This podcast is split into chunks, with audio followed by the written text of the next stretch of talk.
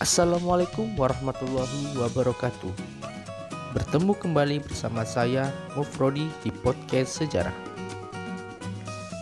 Pada pertemuan kita yang lalu sudah dibahas oleh masing-masing kelompok tentang kerajaan maritim di Nusantara bercorak Hindu-Buddha. Masing-masing telah menyelesaikan tugas tersebut baik penugasan individu maupun kelompok. Topik podcast kali ini saya akan mengupas satu persatu masing-masing kerajaan tersebut. Jadi, stay on and jangan lupa catat poin pentingnya ya.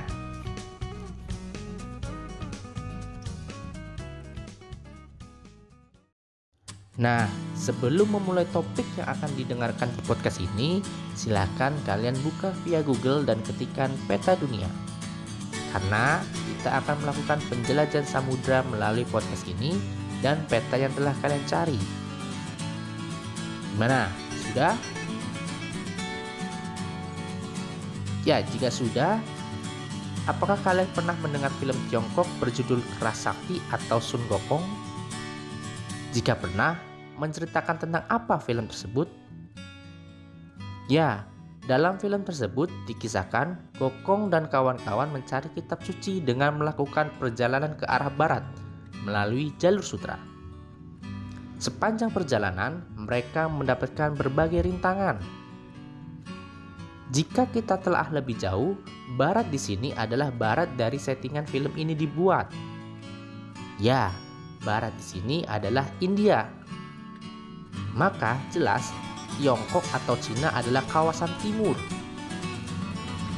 Dalam sejarah, hubungan antara Cina dan India sudah lama terjalin. Mereka sudah melakukan kontak dagang di antara kedua belah pihak.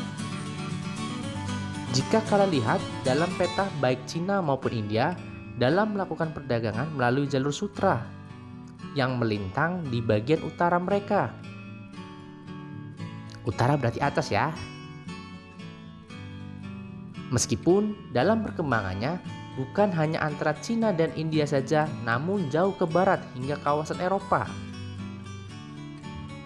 Tapi dalam hal ini, rute yang mereka pilih adalah jalur darat.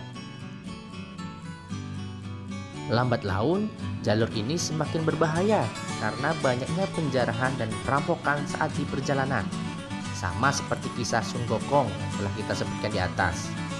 Maka, pada akhirnya mereka memutuskan untuk merubah jalur mereka yang awalnya melalui darat berubah melalui perairan.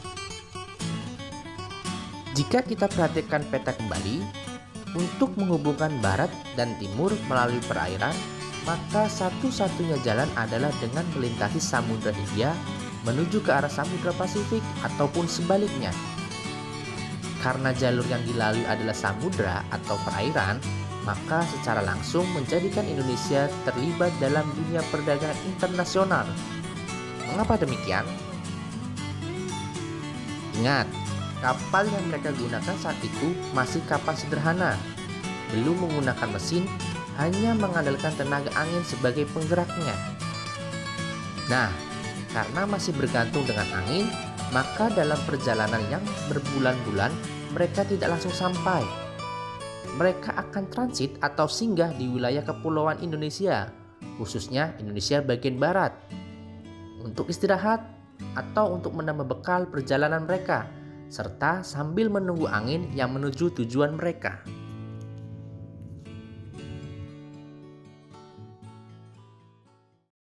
Inilah yang nantinya memunculkan interaksi antara penduduk lokal dan para pedagang bangsa lainnya di Indonesia, sehingga terjadi akulturasi kebudayaan antara mereka yang sekaligus membawa pengaruh ke dalam kehidupan sosial masyarakat kita. Salah satunya adalah kepercayaan beragama. Masyarakat kita pada awalnya memiliki kepercayaan Dinda Aniro. Catat nih catat, penting apa itu Dinda Aniro biar nggak bingung ke depannya. Dinda Aniro. Din untuk dinamisme dan da untuk benda. Aniro, ani untuk animisme dan roh untuk roh leluhur. Gimana? Sudah bisa beda bedain Dinda Aniro? Tapi yang menjadi perhatian adalah kedatangan pengaruh dari bangsa luar tidak menghapus kehidupan sosial masyarakat Indonesia yang lama. Namun, justru menambah hasanah kebudayaan itu sendiri. Salah satunya adalah dalam hal berpolitik. Wilayah yang pada awalnya hanya berupa suku ini, serta dengan dikepalai kepala suku, karena semakin ramai menjadikan kawasan ini tersebut berubah menjadi kerajaan kerajaan di sepanjang kawasan jalur perdagangan. Pada akhirnya, kepala suku tersebut diangkat menjadi seorang raja, tentu melalui sebuah proses-proses panjang. Nah, itulah pengantar terlebih dahulu, masih panjang perjalanan kita. Oke, untuk yang pertama, kita awali dari kerajaan tertua di Indonesia. Ladies and gentlemen, this is Kutai Martadipura. Ingat, ngucapin kutainya satu kali saja, jangan berulang-ulang kali, apalagi sampai 10 kali. Dan ingat, kutai yang kita bahas kali ini adalah Kutai Martadipura, kerajaan maritim di Nusantara yang bercorak Hindu-Buddha.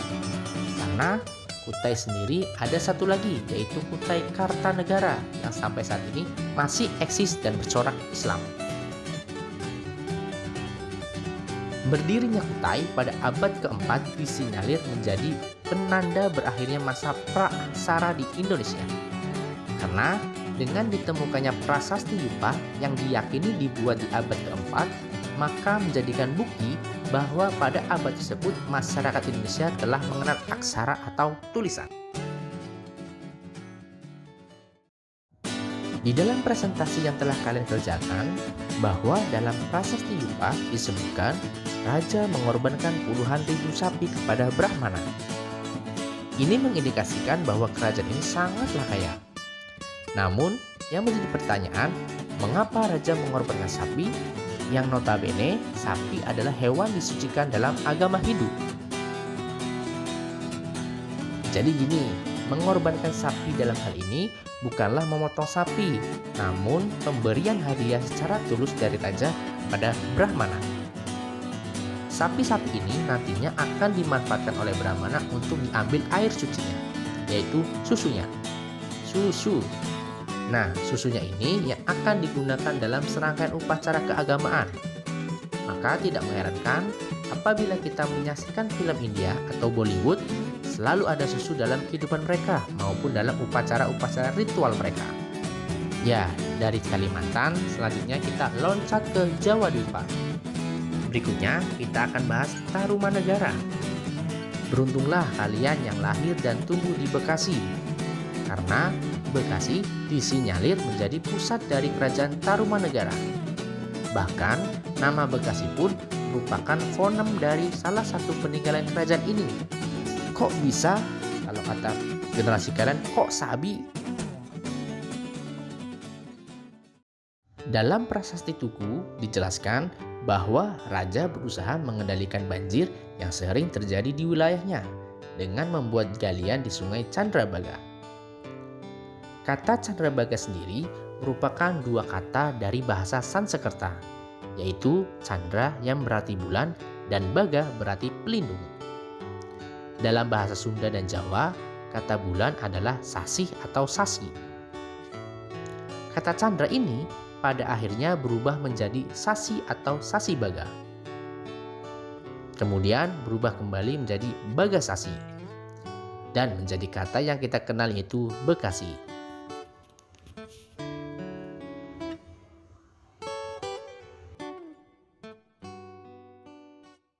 Di masa Raja Purnawarman, kerajaan ini mencapai zaman keemasannya dibuktikan dengan banyaknya sekali penemuan-penemuan yang menceritakan tentang kebaikan beliau. Ini menggambarkan bahwa di masa beliau, kehidupan ekonomi, sosial, dan lain sebagainya itu sejahtera. Meskipun demikian, pada akhirnya kerajaan ini mengalami kehancuran. Meskipun dapat dikatakan bahwa ini bukanlah sebuah kehancuran. Bingung kan? Kehancuran, tapi dikatakan bukan sebuah kehancuran.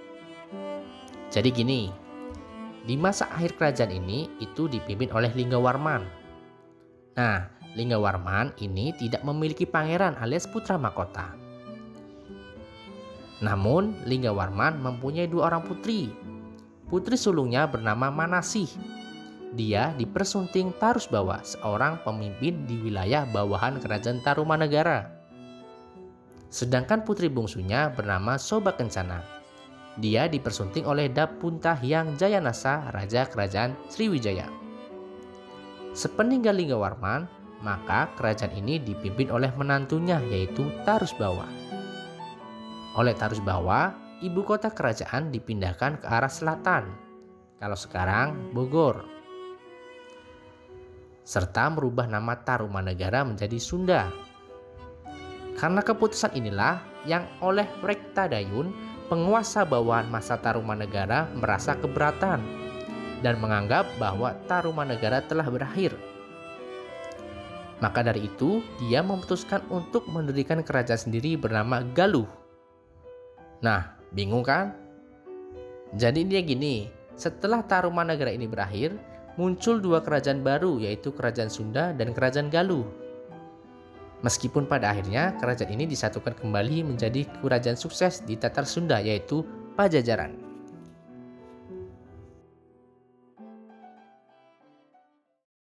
Tapi tenang, next time kita akan bahas Sunda, Galuh, dan Pajajaran. Oke, kita lanjut lagi. Jalan-jalan berikutnya kita ke Borobudur dan Prambanan. Ada yang sudah ke situ? Di mana sih kedua tempat tersebut? Ya, Borobudur sekarang berada di wilayah Magelang, Provinsi Jawa Tengah. Sedangkan Prambanan ada di daerah istimewa Yogyakarta. Keduanya merupakan salah satu peninggalan terbesar dari sebuah kerajaan besar masa lalu. Ladies and gentlemen, this is Old Mataram. Ya, Mataram kuno. Sebenarnya sih buat bedain dengan Mataram Islam yang muncul di beberapa abad kemudian. Gak bisa dibayangin deh betapa besar dan mewahnya kerajaan ini kalau kita lihat dari dua di antara puluhan peninggalan kerajaan tersebut, Borobudur dan Prambanan tadi. Coba perhatikan kembali peta yang kalian miliki. Kira-kira di mana pusat kerajaan ini? Pusat kerajaan ini diyakini berada di wilayah Keharisidenan Kedu. Sudah ketemu di mana Kedu? Keharisidenan Kedu sekarang berada di wilayah Temanggung dan Magelang. Nah, jika kita perhatikan dengan seksama, berbeda dengan Kutai, Tarumanegara maupun Sriwijaya yang berada di dekat jalur perdagangan, Mataram kuno justru berada di selatan Jawa yang jauh dari jalur tersebut. Lantas, mengapa pusat kerajaan ini berada di selatan, namun disebut sebagai kerajaan maritim?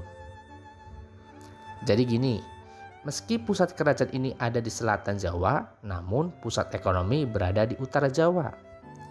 Banyak pos-pos pelabuhan membentang dari Jawa Tengah hingga Jawa Timur di bawah kekuasaan kerajaan ini, Daibak.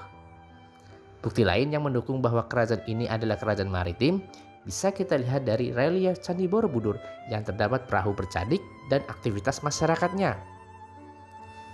Nah, bicara soal kehidupan politiknya, kerajaan ini tuh didirikan oleh Sanjaya.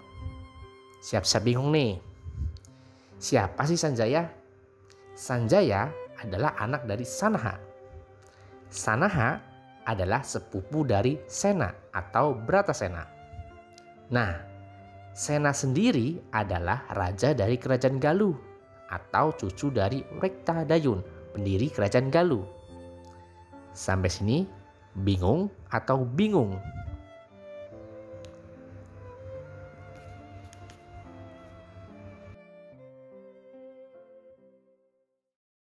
Seperti halnya kerajaan-kerajaan yang lain, pada akhirnya pun kerajaan ini mengalami kemunduran.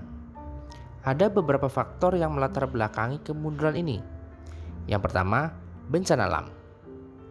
Fakta bahwa pusat dari kerajaan ini berada di antara gunung aktif menjadi ancaman sendiri bagi kerajaan ini. Bayangin aja deh, ada Gunung Merapi, Gunung Merbabu, Gunung Sindoro, Gunung Sumbing, Gunung Ungaran, Gunung Selamet, dan Gunung Lawu. Yang kedua, serangan kerajaan lain. Banyak kerajaan bawahan dari Mataram yang melakukan pemberontakan kepada Mataram. Dan di waktu yang bersamaan, Sriwijaya juga berusaha menguasai pusat dagang di utara Jawa. Tiga, berpindahnya pusat pemerintahan. Kalau yang ini sebenarnya karena alasan nomor satu dan dua, yang menyebabkan raja terakhir kerajaan ini yaitu Sri Isyana memutuskan untuk memindahkan pusat pemerintahannya dari selatan Jawa menuju utara Jawa. Dan olehnya kerajaan ini kemudian berubah menjadi kerajaan Medang.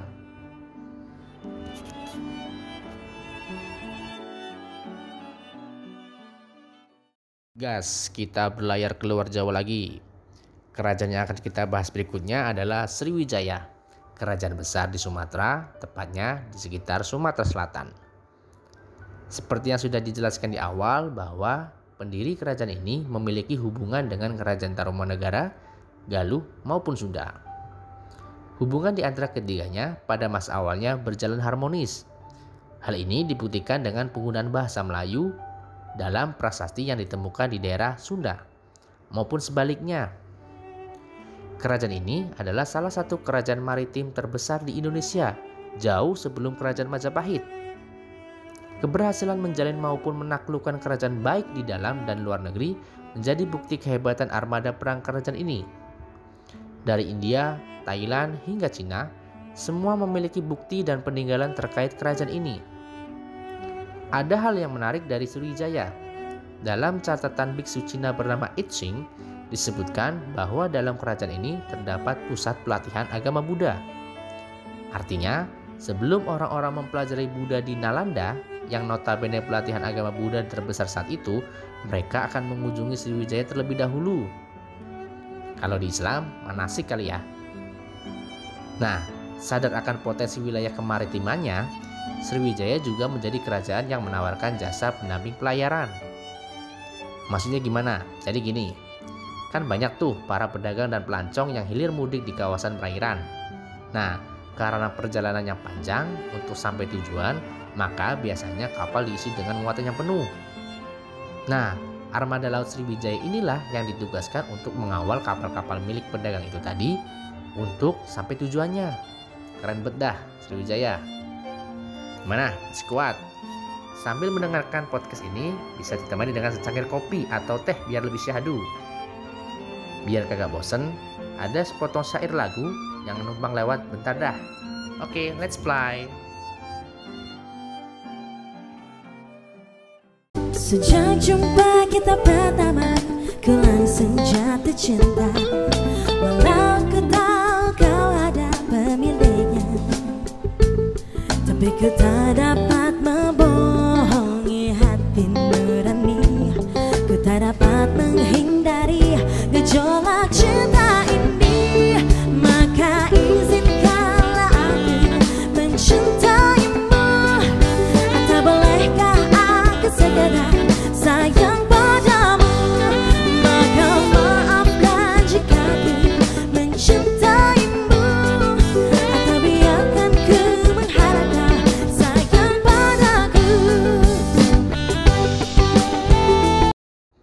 syairnya? Syahdu sekali kan ya? Nah, selanjutnya kita akan membahas tentang kerajaan Singosari. Tapi bicara munculnya Singosari, sebenarnya kita membahas kerajaan pendahulunya. Biar nggak panjang, saya singkat saja dah ya. Masih ingat dengan kerajaan Medan, ex Mataram kuno? Nah, jadi raja kerajaan ini tuh raja terakhirnya adalah Erlangga Nah, sebelum memutuskan untuk menjadi petapa, Erlangga membagi dua kerajaan ini. Kenapa dua? Ya karena dia punya dua orang putra. Satu untuk Mapanji Garsakan, dia mendapatkan kerajaan Jenggala. Dan satunya lagi untuk Samarawijaya yaitu kerajaan Kediri. Singkat cerita, kerajaan Kedirilah yang eksis dan bahkan menguasai Jenggala pasca meninggalnya Erlangga tentunya. Nah, kerajaan Kediri ini punya banyak sekali wilayah bawahan. Salah satunya adalah Tumapel. Next, raja terakhir kerajaan ini adalah Kertajaya yang pada saat itu sedang konflik dengan kaum Brahmana. Para Brahmana kemudian meminta bantuan kepada pemimpin Tumapel saat itu, yaitu Ken Arok. Kalau kisah tentang Ken Arok, skip aja ya. Kita akan bahas di lain waktu. Apalagi soal percintaannya seperti lirik lagu yang didengar tadi, paslah tentang kisah Ken Arok. Nah, setelah berhasil mengalahkan Kertajaya, lantas Ken Arok diangkat oleh para Brahmana menjadi raja. serta mendirikan kerajaan bernama Singosari. Artinya Kediri sudah berakhir, digantikan oleh kerajaan berikutnya yaitu Singosari. Akhirnya sampailah kita di kerajaan terakhir materi kita kali ini. Ya, Majapahit. Kerajaan ini sebenarnya adalah kelanjutan dari kerajaan Singosari. Karena pendiri kerajaan ini yaitu Raden Wijaya punya silsilah yang sama dengan Singosari.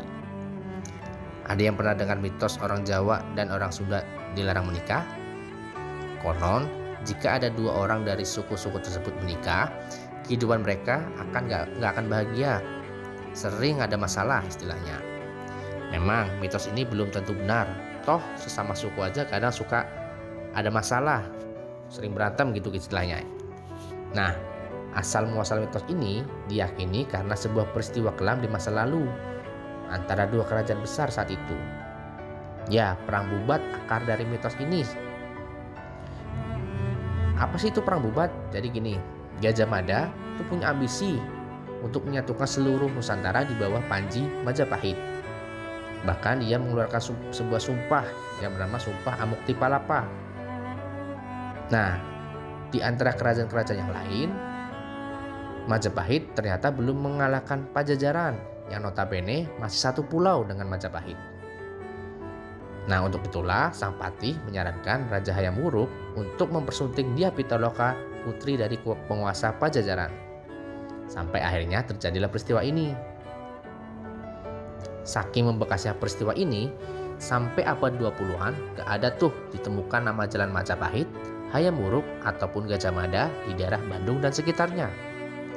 Begitupun nama Pajajaran dan Siliwangi, Siliwangi. Di kota Surabaya dan Yogyakarta sangat gak ada bahkan. Meskipun di tahun 2017 akhirnya kedua pemimpin daerah tersebut merekonsiliasi sejarah yang kelam di masa lalu dengan menamai jalan di masing-masing daerahnya. Ya, masa lalu yang pahit memang tak bisa dilupakan begitu saja. Tapi kita harus belajar dari kepahitan tersebut untuk menjadi lebih bijak dan manis untuk kehidupan masa kini dan mendatang. Kalau Sunda dan Jawa saja bisa bersatu, lantas kamu kapan? Sekian podcast kita hari ini. Saya Mufrodi, Historia Vitae Magistra dan sampai jumpa.